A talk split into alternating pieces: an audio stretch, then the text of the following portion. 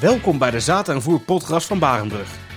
Productmanager Tom Niehoff neemt u mee in de wondere wereld van het gras en geeft met inspirerende gasten handvatten om zo optimaal mogelijk gras te telen. Vandaag hebben we het over onderzaai bij mais. Dit is een verplichting voor een groot deel van de maistelers. Over wat de voor- en nadelen zijn, hebben twee experts het antwoord. Tom Niehoff van Barenbrug en Giel van Rooij van Vlamings. Goedendag. Goeiedag Ruben. Goeiedag Ruben. Onderzaai bij mais, daar hebben we het vandaag over. Uh, om even met de deur in huis te vallen, Tom, ik bij jou. Wat vind je überhaupt van deze methode? Ja, deze methode uh, heeft heel veel toegevoegde waarde om, uh, om je bodemvruchtbaarheid te verbeteren en ook om nitraatspoeling te ver, verlagen. Echter zijn de, ja, de regelgeving, vind ik nog wel eens een keer uh, lastig, lastig uitvoerbaar. Eigenlijk uh, is het toch voor een groot gedeelte uh, ja, op papier een papieren regel. En, en, zeker de datum 1 oktober die daarvoor geldt, ja, die is, die is gesteld. En daar zit een bepaalde logica achter, maar die is niet altijd heel praktisch. En zeker nu we zien dat het, ja, het voorjaar vertraging oploopt. Ja, heeft dat ook weer consequenties op, uh, op die mogelijke maisoogst uh, rond uh, 1 oktober. Dus ja, regelgeving had wat mij betreft praktischer gemogen, maar de toegevoegde waarde van een onderzaai is sowieso aanwezig. Deel jij die mening, Giel? Ja, dat is, ik, ik stel Rijk hetzelfde in. het is natuurlijk wel zo, ja, waar, waar Tom al zegt, de, de, het gaat eigenlijk over ook, ja, een stukje organische stoflevering. En ja, daar zit wel wat in de weg dat we het eigenlijk hebben over een uh, vanggewas. En een vanggewas is eigenlijk bedoeld om stikstof te vangen. En zou je het echt als organische stofleverancier willen gebruiken, dan zou daar eigenlijk wel een stukje aanvullende bemesting bij uh, horen. Alleen dat is, uh, ja, in de praktijk wordt dat niet geaccepteerd volgens de regels. Dus we hebben het inderdaad over een mooie methode, waarbij de praktische uitvoerbaarheid toch wat de wensen overlaat. Tom, uh, als we het nou hebben over uh, onderzaai, uh, er zijn een aantal verschillende methodes. Kan je uitleggen hoe en? Ja, ik wil nog één ding aanvullen op wat Giel net zegt. Kijk, we moeten wel even overeind houden dat de hoofdteelt het belangrijkste is. En dat is uiteindelijk een goede maisteelt. Die staat bovenaan. En met de omstandigheden die we daarbij hebben, willen, ja, kun je eigenlijk je vanggewas telen. En er zijn drie verschillende methodes voor eigenlijk. Dat is uh, gelijkzaai. Dat is eigenlijk uh, het vanggewas eh, direct zaaien uh, met de maiszaai. Nou, dat is iets wat deze periode eigenlijk plaatsvindt. Um, daarna volgt onderzaai. Dat is eigenlijk dat je op kniehoog, zeg maar net voor het sluiten van het mais, je vanggewas erbij tussen zaait. En vervolgens heb je ook nog nazaai. En eigenlijk is er nog steeds een, een grotere groep die kiest voor nazaai. En dat betekent eigenlijk dat je uh, na het oogsten van de mais, en in dit geval moet dat dus in de maand september, dat je dan je vanggewassen erachteraan zaait. Dat zijn in feite de drie smaken die je hebt. Ja, ja, Giel, kun jij misschien uitleggen wat de voor- en nadelen zijn van uh, die tweede methode, onderzaai, onder de huidige omstandigheden? Nou, de, de onderzaai, de voordelen daarvan zijn dat je eigenlijk al een voorschot neemt op wat er eh, verderop in het seizoen gaat gebeuren. Je weet nooit natuurlijk hoe het seizoen precies gaat verlopen en hoe dicht dat je bij die 1 oktober komt om uh, zeg maar een, uh, de oogst te kunnen gaan doen. En het belangrijkste is natuurlijk dat die oogst op een moment gebeurt die mais ook echt rijp is. Nou, door een onderzaai toe te passen kun je daarmee eigenlijk voorkomen dat je straks in de knel komt met je oogstmoment. Uh, was nog meer uh, het, het, voordeel van een uh, onderzaai.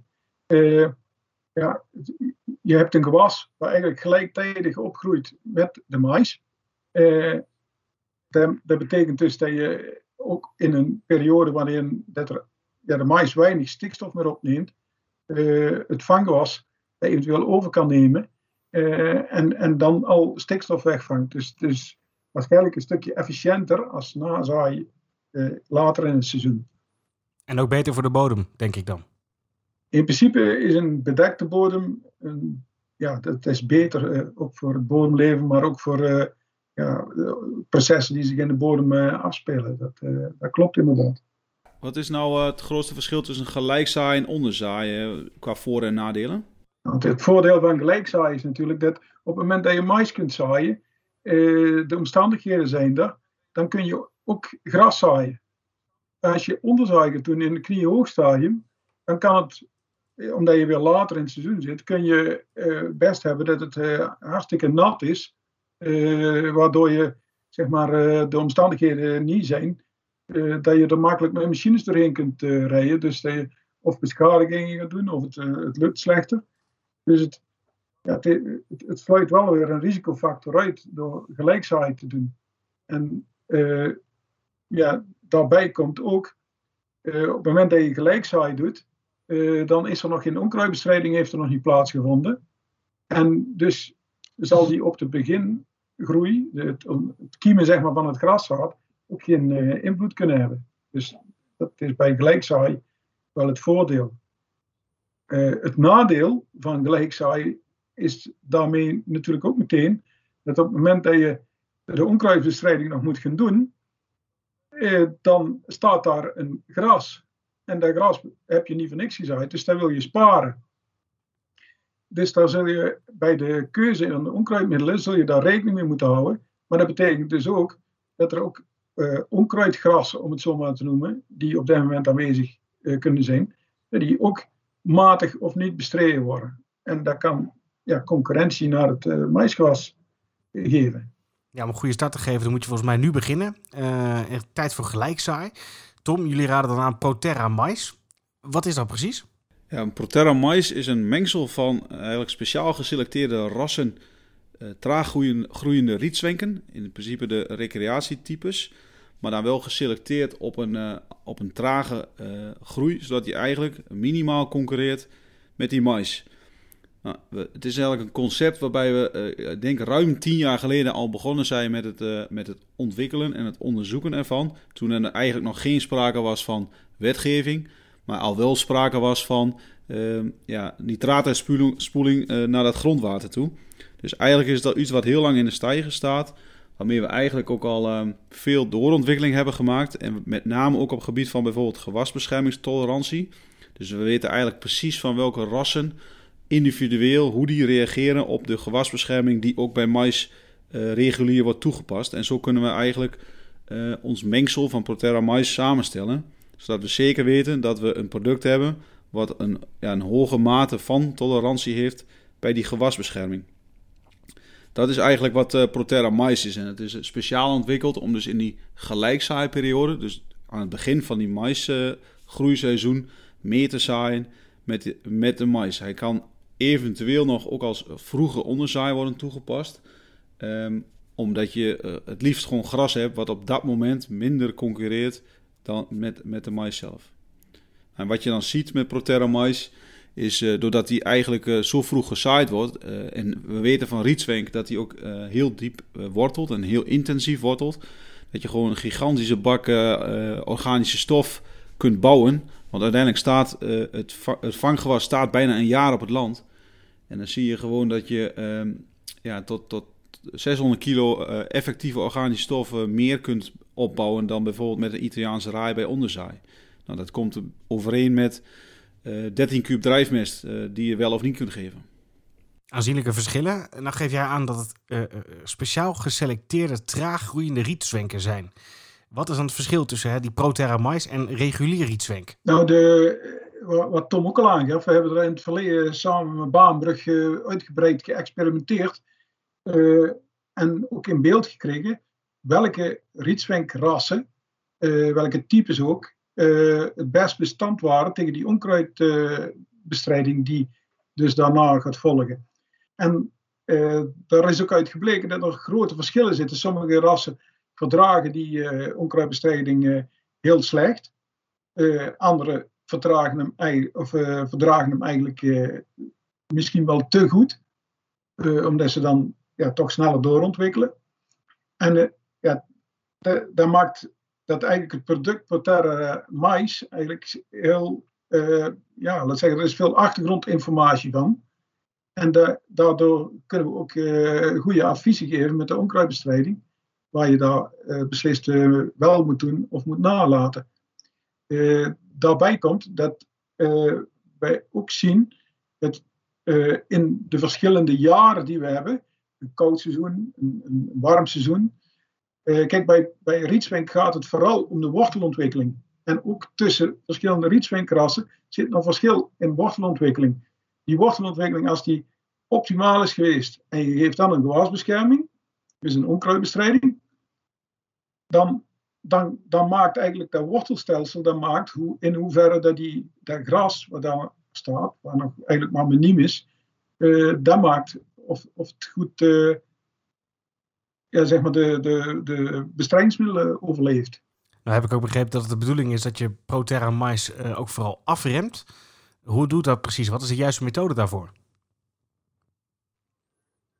Nou, de, de, kijk, wat, wat er eigenlijk dus gebeurt, je hebt uh, bepaalde middelen die wij hebben een bodemwerking, dus die hebben meer invloed op de beworteling van uh, zeg maar grassen. Uh, en er zijn middelen die een contactwerking hebben, die dus op blad werken. En bij alle twee spelen de weersomstandigheden spelen, best een grote rol. Dus op het moment dat de grond vochtig is, zullen, zullen bodemmiddelen die op worteling werken vrij sterk hun werk kunnen doen de contactwerking, hoe meer blad het er aanwezig is, hoe meer middel dat er opgenomen wordt en hoe meer die, die grasplantjes zeg maar, daarvan zullen leien. Eh, dat betekent dus ook dat je op het moment dat je een onkruidbestrijding gaat doen, eh, toch wel bepaalde risico's loopt, omdat je zoveel factoren moet inschatten, dat je eigenlijk niet altijd precies kunt zeggen wat het effect gaat zijn. Nou, daarom is onze insteek om de echte grassenmiddelen die op de contactwerking werken. Uh, is, de, is zijn werkzame stof die dat doet. Die, die halen we uit de mix. Maar we, we, hebben wel nog de mogelijkheid om een aantal bodemmiddelen uh, in te zetten. Uh, omdat op het moment dat die onkruidbestrijding plaatsvindt, de beworteling van die rietswenk al behoorlijk aanwezig is. En daar adviseer ik boeren ook ga kijken op het moment van onkruidbestrijding. Die kijkt niet alleen wat er boven de grond zichtbaar is, maar ook wat zich in de grond aan worteling eh, eh, bevindt. Tom, in het begin van, uh, van deze podcast hadden jou even aan de huidige wet en regelgeving. Je hebt tot 1 oktober hè, om uh, alles te oogsten en te regelen omtrent de mais. Als we kijken in dit voorjaar. Het is koud, het is nat, het groeiseizoen loopt vertraging op. Dat kunnen we stellen. Wat is dan belangrijk om te doen? Nou, belangrijk is dat je een goede planning gaat maken. Kijk, wat we zeker weten is dat we met de mais zaaien uh, ietsjes achterlopen ten opzichte van de afgelopen jaren. En wat we niet zeker weten is hoe de rest van het jaar eruit gaat zien. Uh, dus ja, we kunnen natuurlijk wel uh, een, een, aanname doen dat 1 oktober oogsten uh, moeilijker gaat worden. Maar goed, die aanname is natuurlijk best wel um, een risico. Dus dat wil ik zeker niet zeggen. Wat ik wel wil zeggen is van, ja, ehm, misschien moet je het nu wel overwegen uh, om toch alsnog gelijkzaai of onderzaai te doen. Om in ieder geval niet op die 1 oktober een, uh, een keuze te moeten maken dat je mais oogst die, eigenlijk, die je niet, nog niet had willen oogsten. En uh, als je voor onderzaai gaat kiezen, dus dat is eigenlijk iets wat je de komende ja, maand, twee maand moet toepassen. Dan moet je nu wel ehm, mee gaan plannen, want dat heeft ook weer invloed op jouw gewasbescherming. Want wat zijn de belangrijkste handvaten, Giel, als ik uh, toch kies om uh, voor onderzaai te gaan? Ja, wat ik zo net al aangaf, uh, ja, de meeste onkruidbestrijding hebben we altijd te maken met een mix van middelen. Hè, zowel bodemmiddelen als contactmiddelen. En daar moet je een goede balans in vinden op het moment dat je eigenlijk die, ja, zeg maar, met onderzaai te maken hebt.